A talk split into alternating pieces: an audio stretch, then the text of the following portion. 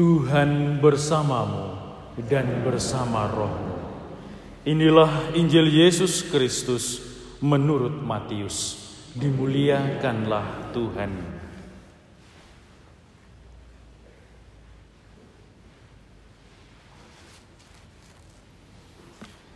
Dalam khotbah di bukit Yesus berkata, "Waspadalah terhadap nabi-nabi palsu yang datang kepadamu dengan menyamar seperti domba, tetapi sesungguhnya mereka adalah serigala yang buas. Dari buahnya lah kalian akan mengenal mereka.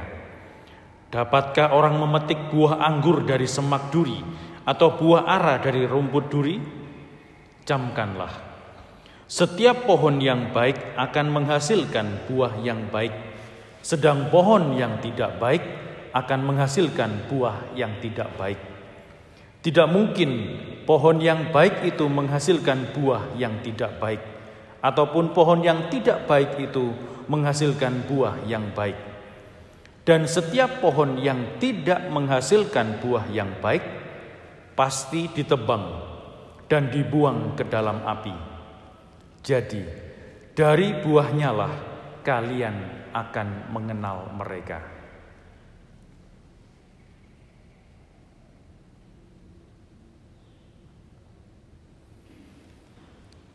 Demikianlah Injil Tuhan. Terpujilah Kristus.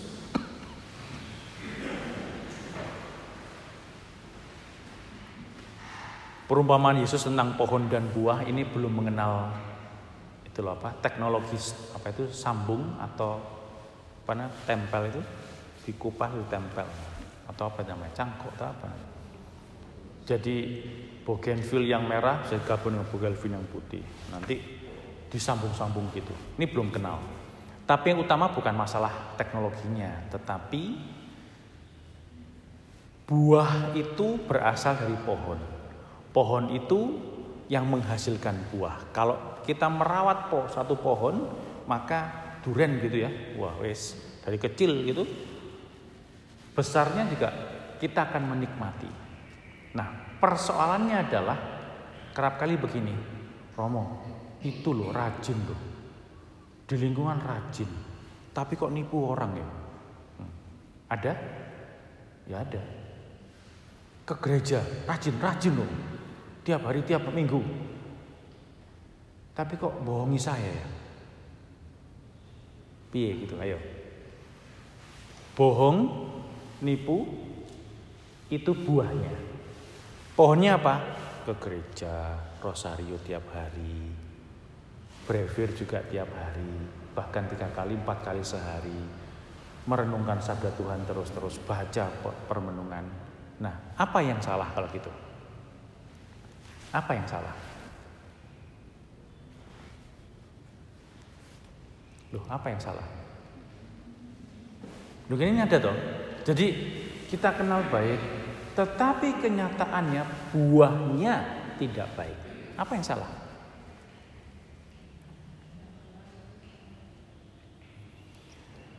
Ada beda antara pohon dengan manusia. Itu itu pertama. Karena manusia ada yang di dalam ini, ada sesuatu yang kerap kali kita ini bersandiwara.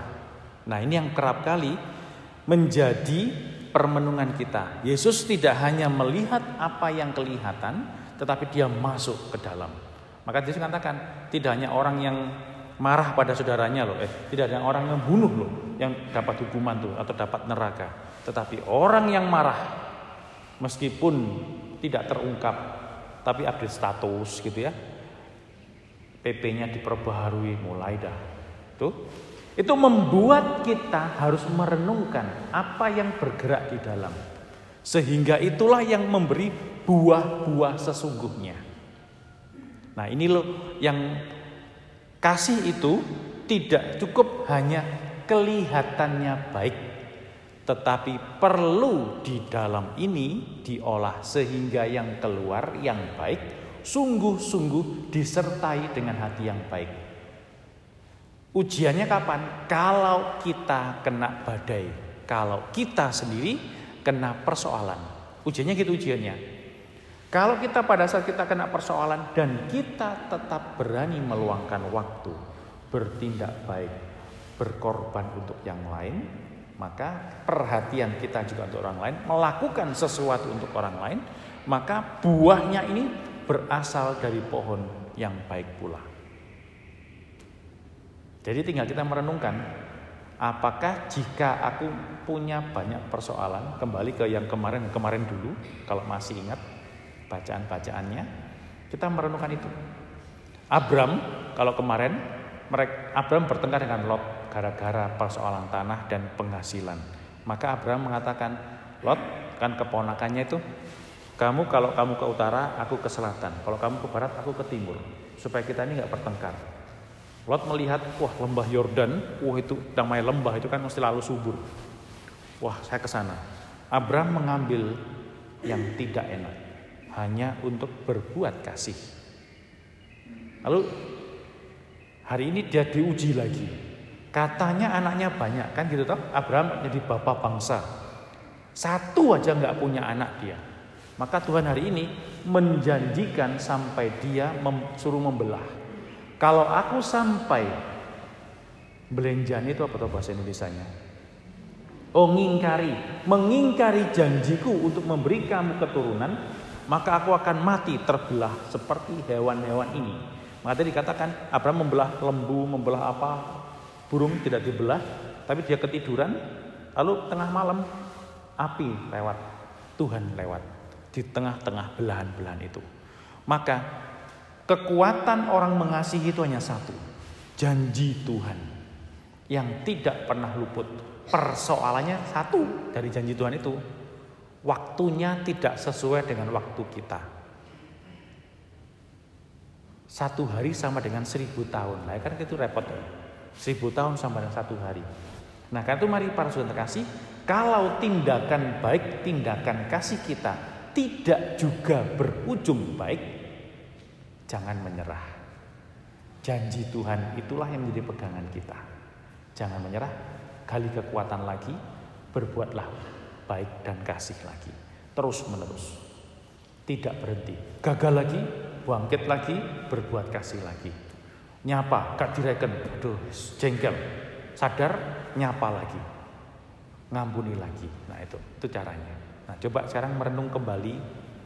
Apakah aku siap untuk terus berbuat kasih meskipun perbuatanku itu tidak kunjung kelihatan hasilnya seperti yang kita inginkan.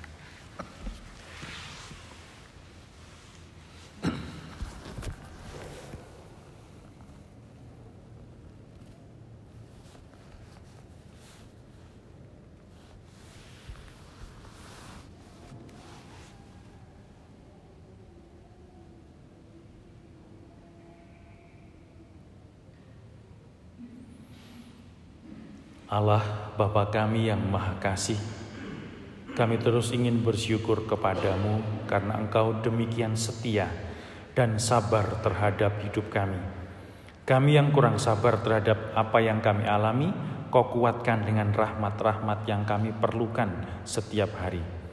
Kami ingin bersyukur bersama dengan Kelvin Kristianto dan Bapak Hendra Jaya yang berulang tahun kelahiran hari ini. Kami bersyukur karena dalam kelemahan dan kekurangan mereka, Engkau tetap meneguhkan, menganugerahkan roh-roh roh kudusmu sendiri akan setiap tindakan dalam hidup mereka. Hidup mereka kau jaga dengan rahmat-rahmatmu sendiri. Karena itu ya Bapa kami persembahkan hidup mereka ke dalam naungan kasihmu.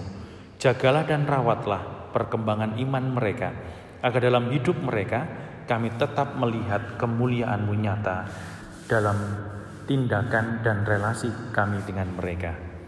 Allah Bapa yang Maha Kasih kami juga mempersembahkan saudara-saudari kami yang sedang sakit, terutama untuk seorang cucu, juga untuk Ibu Sri Panganti dan cucu Marshall Bintang. Kami percaya dalam kelemahan dan sakit mereka, Engkau tetap mendampingi Engkau tetap memberikan harapan dan kegembiraan. Semoga dalam kelemahan dan sakit mereka pun mereka tetap mampu mengarahkan hidup mereka tetap mampu mewartakan kasih-Mu juga bagi mereka saudara-saudari kami yang masih kurang beruntung seperti kami semua.